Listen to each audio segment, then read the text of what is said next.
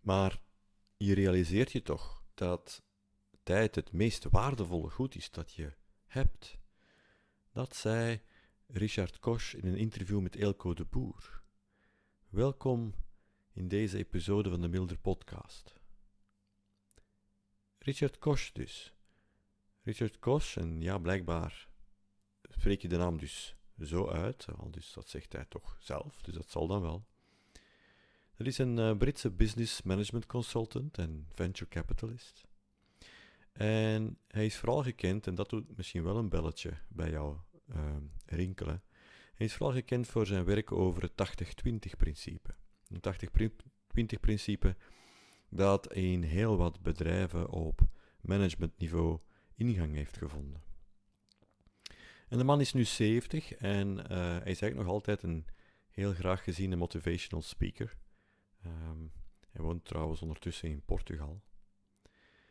En hij zegt dus dat eigenlijk tijd het meest waardevolle uh, goed is dat we hebben. En dat ook datgene is wat we meestal niet genoeg naar waarde schatten. En hij zegt dat wij op die manier eigenlijk ons leven trivialiseren.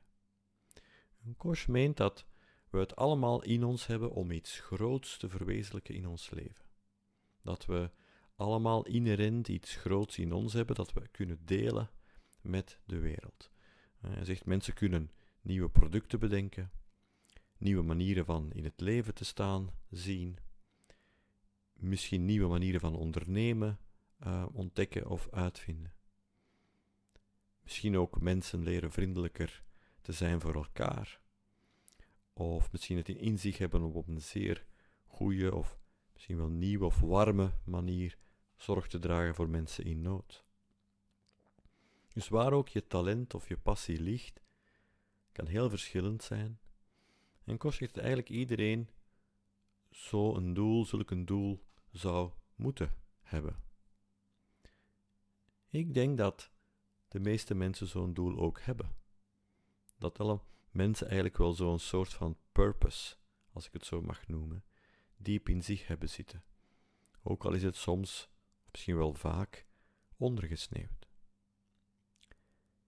En Kor stelt dan de vraag: hoeveel mensen zijn echt met hun doel, met hun missie als het ware, hun purpose bezig? En zijn antwoord erop is: heel weinig mensen.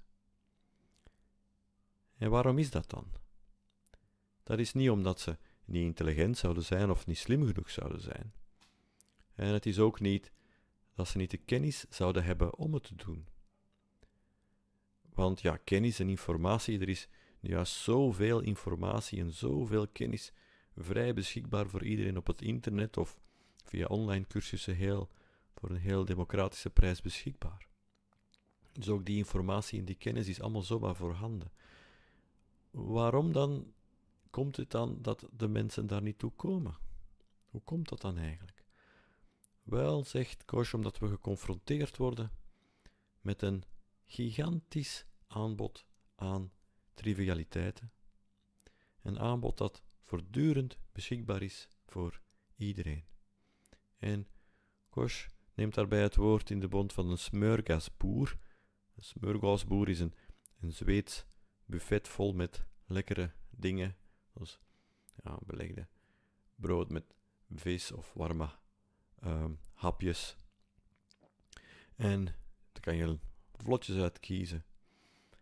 En zo hebben we dus een buffet vol trivialiteiten dat steeds weer opnieuw om onze aandacht vraagt. En als we niet oppassen, dan beheerst dat buffet onze tijd. Want wat gebeurt er? Je staat op, je pakt je smartphone, je checkt je e-mails, kijkt misschien even snel op Insta of op Facebook, je stuurt een paar korte berichtjes, schrijft wat comments op een of andere post en je ziet misschien nog een link naar een leuk YouTube-filmpje. Ja, die link zie je voorbij komen. Klik je daar misschien toch nog even op. En dan kan je misschien rechts in de banner plotseling zien dat er toch nog een ander je aandacht vraagt. En klik je daar ook nog even op. En dan leg je misschien je smartphone weg, maar dan komt weer een biepje. En dan, oh, dan denk je, oh kijk, er is nog een nieuwe bijdrage op LinkedIn. En die wil ik ook nog wel even checken. Hopelijk is die dan werkelijk interessant. En coach vraagt zich dan ook af hoe we kunnen geloven dat we onze purpose, onze passie kunnen waarmaken, als we zoveel tijd, zoveel van onze tijd bezig zijn met dingen die daar eigenlijk heel ver vanaf staan. Die er in wezen, als we er echt naar zouden kijken, niet toe doen. Hij zelf vond het vreselijk om te zien hoe zijn ouders elke avond naar de televisie zaten te kijken. En hij was vastbesloten dat niet te doen. Maar de sociale media, de YouTubes en de Netflixen en andere media die we nu hebben, die hebben eigenlijk die rol van televisie overgenomen. En die afleiding, die is nu gewoon non-stop aanwezig. On demand. En laten we wel wezen, een deel van dat aanbod is natuurlijk ook geweldig, is ook interessant. En er zijn gewoon heel interessante filmpjes op het web aanwezig. Maar hoeveel is dat ook niet? Ja, hoeveel van die content die we dagelijks consumeren is eigenlijk het consumeren niet waard, als het ware? Het mooie is wel in het interview dat Kos zichzelf niet uitslaat. Ja, hij ziet zichzelf het ook doen. Hij ziet zichzelf ook verdrinken in de afleiding. En als ik naar mezelf kijk, dan gebeurt mij dat ook. Ja, die smartphone is gewoon zo'n ding dat als ik opsta en het ligt dan op de ontbijttafel, ja, dan durf ik die ook wel pakken. En dan ben je toch, voor je het weet, heel wat tijd kwijt. En dan ben ik, of dan zijn we niet bezig met wat we echt belangrijk vinden. Al die dingen waarvan we vinden dat die er echt toe doen, die doen we dan niet. Of daar vinden we de tijd niet meer voor. En zo kom je dus niet aan toe om jouw missie, om jouw purpose, om daarmee bezig te zijn. Ja. Misschien zijn dat wat moeilijke woorden, maar je zou ook gewoon kunnen zeggen van, kijk, je wil echt wel van betekenis zijn, je hebt echt de wens om van betekenis te zijn, maar je komt er eigenlijk niet toe, of je kan het in elk geval niet op die manier invullen, omdat je te weinig tijd hebt. Ja. En dan is de vraag, doet het ertoe, doet het er werkelijk toe dat je dat leuke YouTube-filmpje bekijkt of niet? Doet het er werkelijk toe dat je die foto's werkelijk ziet passeren op Instagram of had je ook zonder gekund. En dus deze voortdurende stroom van afleiding verhindert dat je dus van betekenis wordt op een manier dat je graag zou willen. Of met de woorden van Kors te zeggen dat je iets groots doet in je leven. Ook al hoef je dat misschien niet zo groot te zien als de woorden die hij gebruikt, maar gewoon datgene wat je zou willen doen, hoe zo jij van betekenis zou willen zijn in jouw leven. En toen ik het interview zo hoorde, dacht ik van ja, Kos heeft daar echt wel een punt. Maar daarmee wil ik ook niet zeggen dat afleiding altijd slecht is. Dus daar moeten we toch ook weer mee oppassen. Ja. Meer nog, in mindfulness wijzen we erop dat afleiding soms ook nuttig kan zijn. Ja, het kan ook een hulpmiddel zijn om om te gaan met moeilijke of stressvolle situaties. Edel Max, de mindfulness trainer, introduceert in zijn training een, een soort van kwadrant, een schema van vier manieren waarop je met moeilijke situaties kan omgaan. En een eerste manier is dat je aandacht kan geven aan het probleem of aan de moeilijke situatie samen met anderen. Je kan over het probleem of over de situatie praten, je kan naar oplossingen zoeken of misschien gewoon eens je hart luchten. Ja, als er iets een telefoon hebt gehad, dan kan het helpen om naar oplossingen te zoeken op het werk, maar het kan ook gewoon al eens helpen dat je tegen je collega even je hart kan luchten over die lastige uh, klant of zo die dan gebeld heeft. Of je kan ook bij een expert te raden gaan als je met een probleem zit. En dat kan business-wise zijn. Misschien moet je even een beltje doen of een mailtje sturen naar de jurist om dan een oplossing te zoeken. Als het emotioneel is, kan je veel bij een therapeut terecht. Uh, maar dat is eigenlijk allemaal aandacht geven aan het probleem samen met anderen. Aandacht geven aan een probleem kan je ook alleen en dat is dan een tweede manier om met zo'n probleem of een moeilijke situatie om te gaan. Je kan een boek lezen over het probleem, of een TED-talk of een YouTube-filmpje, jawel, daar zijn we weer. Dus het kan ook interessant zijn dat je dan eigenlijk, dat dat geen afleiding is, maar dat je dat op die manier ook effectief aandacht geeft aan het probleem door er een filmpje of een TED-talk over te bekijken. Maar ja, dat kan toch ook allemaal wat te veel worden. Ja? Het kan toch ook gewoon zijn dat je het wel even hebt gehad. Dat je het hebt gehad met het probleem, dat je het hebt gehad met de moeilijke situatie, dat je het hebt gehad met het nastreven van je purpose. Ja. En dan is afleiding toch ook wel een nuttig instrument om even in te kunnen zetten. En afleiding, en daarom is het een kwadrant, dat kan je dus ook weer alleen doen of samen met anderen. Je kan alleen een boek lezen dat niks te maken heeft met je probleem. Of een film zien dat niks te maken heeft met je probleem. Wandeling maken alleen. Of samen met anderen. Een uitstap doen. Samen, samen naar de film gaan. Of ehm, gewoon even op restaurant. Het zijn allemaal manieren van afleiding die toch ook wel nuttig kunnen zijn of kan zijn op het moment dat het voor jou allemaal wat te veel is en dat je er gewoon geen zin meer in hebt om nog aandacht te geven aan de problemen die je hebt. Dus op zich, en dat wil ik toch wel even benadrukken, is er met afleiding niets mis. Maar als afleiding je enige manier is om met moeilijke situaties om te gaan, dan kan het natuurlijk wel problematisch worden. Hm, problemen hebben niet de neiging om weg te gaan als je ze negeert.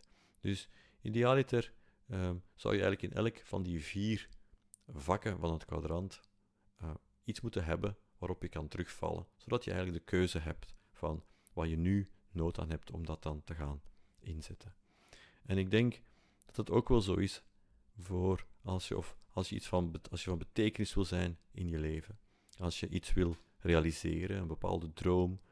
Um, als je van betekenis wil zijn, of als ik de woorden van Korstan gebruik, als je het grootste in jou wil delen met de wereld, dan zal dat niet lukken als je voortdurend in die afleiding blijft steken. En daarover gaat het natuurlijk wel. Als die afleiding je agenda en je tijd bepaalt, of heel veel van je tijd begint af te nemen, dan wordt het wel problematisch. En dat is toch wel wat er dus vaak gebeurt in dit tijdperk van de ultieme afleiding. Ik zou bijna zeggen van de industrieel georganiseerde afleiding. En hoe blijf je in dit tijdperk dan weg van dit all-you-can-eat afleidingsbuffet? Hoe kan je jezelf steeds de vraag stellen: wat brengt het bij om deze filmpjes en foto's te zien? En het is toch echt wel een gigantisch all-you-can-eat buffet. Ik las net nog een opiniestuk van Ilya Leonard Pfeiffer in De Tijd, dacht ik.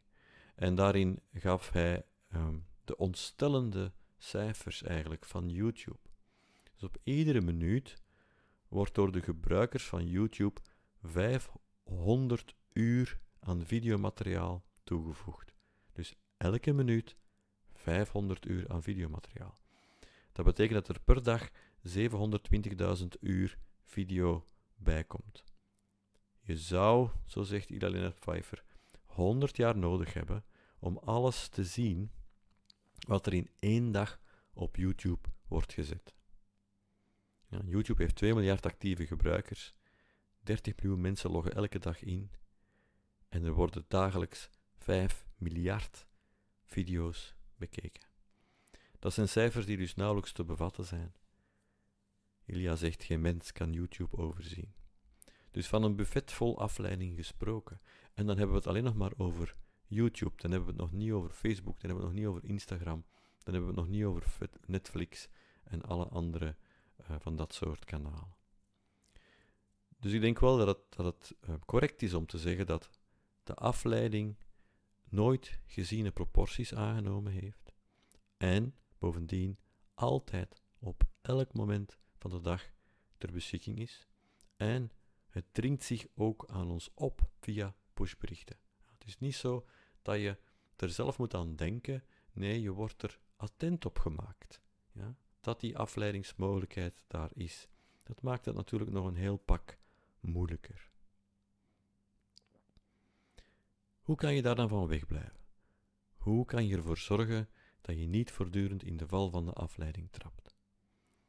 Kosh ziet de oplossing daarvoor in discipline. We moeten een vorm hebben, zegt hij, van zelfdiscipline. En hij zegt daarbij: Het is nooit moeilijker geweest dan nu om zelfdiscipline te hebben, en het is nooit meer nodig geweest. En ik denk natuurlijk, ja, daar heeft hij absoluut een punt in. Want je moet die discipline hebben om steeds de vraag te stellen: is dit belangrijk? Is het van belang dat ik dit doe? Of is het helemaal niet van belang dat ik dat doe? En die vraag moet je jezelf misschien wel ja, 20, 30, 40, 50 keer per dag gaan stellen. Dus het is wel juist om te zeggen dat dat discipline vraagt, dat omgaan met nieuwe technologieën, dat omgaan met nieuwe media. En tegelijkertijd zijn discipline en zelfdiscipline ook meteen zo moeilijke woorden. Het roept bij mij, maar misschien ook bij andere mensen, beelden op van strengheid, beelden op van meesters die toezien of je alles wel goed doet. Dus zelfdiscipline kan op die manier, met die connotatie en met die kwaliteit, ook snel een vorm zijn van jezelf voortdurend op de kop te zitten. En daar word je ook niet meteen vrolijker of gelukkiger van, denk ik dan. En dan is het interessant om even naar de oorsprong van dit woord discipline te kijken. Ons woord discipline komt van het Latijnse disciplina. En disciplina betekent onderwijs. Het komt zelf van het werkwoord discret, wat leren of leren kennen betekent. En dat is natuurlijk al heel wat anders. En ja, leren vraagt natuurlijk vaak een zekere oefening, vraagt een zekere regelmaat. Vandaar ook de betekenisverschuiving die we in het woord discipline hebben gezien. Maar die oefening en die regelmaat hoeft volgens mij niet altijd gepaard te gaan met streng zijn voor jezelf. Daar waar Koch die toch wel een beetje impliceert. Hij zegt het niet zo uitdrukkelijk hoor in het interview, maar ja, je krijgt toch wel een beetje dat gevoel. Maar dat hoeft helemaal niet. Het gaat uiteindelijk om het oefenen.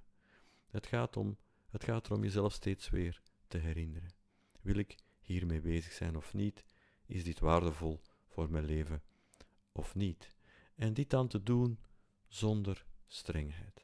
Want je zal immers vaststellen, hoezeer dat je ook voorneemt om het niet te doen, dat het toch zal gebeuren dat je hebt laten afleiden. Dat zal je toch vaststellen. het is bijna de essentie van afleiding, dat het je overkomt. Ja. Dat je eigenlijk pas terug aan het stuur zit op het moment dat je afgeleid bent. Op dat moment kan je terug kiezen. Het is bijna, essentieel van het woord afleiding, per definitie bijna. Dus je kan bijna alleen maar ingrijpen op het moment dat je, dat je afgeleid bent en dat je het merkt dat je afgeleid bent. En op dat moment terug te gaan kiezen. En in, het huidige tijdperk, hoe kan het ook anders? Met het giga-aanbod, dat bovendien zo professioneel via pushberichten en andere manieren aan jou wordt opgedrongen, dat je zal vaststellen dat je afgeleid bent geraakt. En zoals ik al zei, dat is het moment dat je, als je het merkt, is het moment dat je terug aan het stuur zit. En dat is het moment je te herinneren dat je op elk moment opnieuw kan beslissen. Dat je op elk moment kan beslissen om toch terug bezig te gaan zijn met datgene wat voor jou waardevol is. En je kan jezelf ook dan nog misschien proberen voor te nemen de volgende keer wat oplettender te zijn. Het misschien wat sneller te willen doen, maar dan toch zonder jezelf op de kop te zitten. En ik moet hierbij dan ook denken aan wat Frits Koster ooit zei in een uh, training die ik bij hem volgde. En Frits is een, een geweldige Vipassana meditatietrainer en een geweldige compassietrainer. Um, en hij zei dat hij vroeger dacht dat zijn meditatiepraktijk vroeg om de discipline van een samurai. Dat dat de enige manier was, de enige manier was om zo'n meditatiepraktijk vol te houden, om bepaalde vooruitgang te boeken die hij dan ook dacht te moeten boeken. En nu heeft hij zich gerealiseerd dat zijn meditatiebeoefening vraagt om de discipline en de toewijding van een moeder voor haar pasgeboren baby. Dezelfde toewijding, dezelfde discipline, maar met een heel andere kwaliteit. Met een kwaliteit van zorg, kwaliteit van vriendelijkheid, geduld en een kwaliteit van mildheid. Maar ook dat is discipline. Niemand zal zeggen dat die moeder niet met heel veel toewijding voor haar kind zorgt. Dus ook op die manier kunnen we eigenlijk zorgen voor onze aandacht en voor uh, erover waken of we afgeleid geraakt zijn of niet. Met heel veel vriendelijkheid, met heel veel geduld en met heel veel zorg voor onszelf. Dus we hebben allemaal die wens. We hebben om iets te betekenen voor onze omgeving. We hebben ook die kwaliteit om iets te betekenen voor ons gezin, voor onze vrienden, onze onderneming, de maatschappij als je wil. Je kan voor jezelf uitmaken hoe groot je het wil zien, dat grootste in jou. Misschien heb je wel een heel grote droom, wil je wel heel veel dingen in de maatschappij veranderen. En Kosh stelt ook dat we nog nooit zo de kans hebben gehad om dit te doen. Vroeger waren mensen nog veel meer bezig met overleven, met zorgen voor het brood op de plank. Ja, we hebben meer tijd, we meer middelen die we nu allemaal ter beschikking hebben, juist ook door het internet. Al die dingen zijn ter beschikking om nieuwe dingen te leren. En die middelen om dingen te leren, die middelen om dingen te creëren, die zijn werkelijk legio. Ja, die zijn zo veelvuldig voorhanden. En tegelijkertijd worden we door datzelfde internet geconfronteerd met een ongeziene stroom aan afleiding, die bovendien zo opgezet is door de makers dat ze je voortdurend Die makers van de app zijn daar echt actief mee bezig. Die doorgronden de menselijke psyche om te kunnen zien hoe je ze kunnen terugbrengen naar hun app. En dat is dus een van de grote uitdagingen waar we voor staan. Hoe ga je jezelf herinneren waar je echt mee bezig wil zijn? Draag, draagt het filmpje dat je nu aan het bekijken bent daar echt toe bij? Of let het je daar juist van weg? Laat het je weg van wat je wil doen. En dit aan te doen zonder strengheid. Want strengheid, dat zou op termijn alleen maar leiden tot moedeloosheid, want afgeleid geraken zal je. Maar dit is te doen met een vriendelijke houding, die je eraan herinnert dat je op elk moment opnieuw kan kiezen voor datgene wat echt belangrijk is in jouw leven.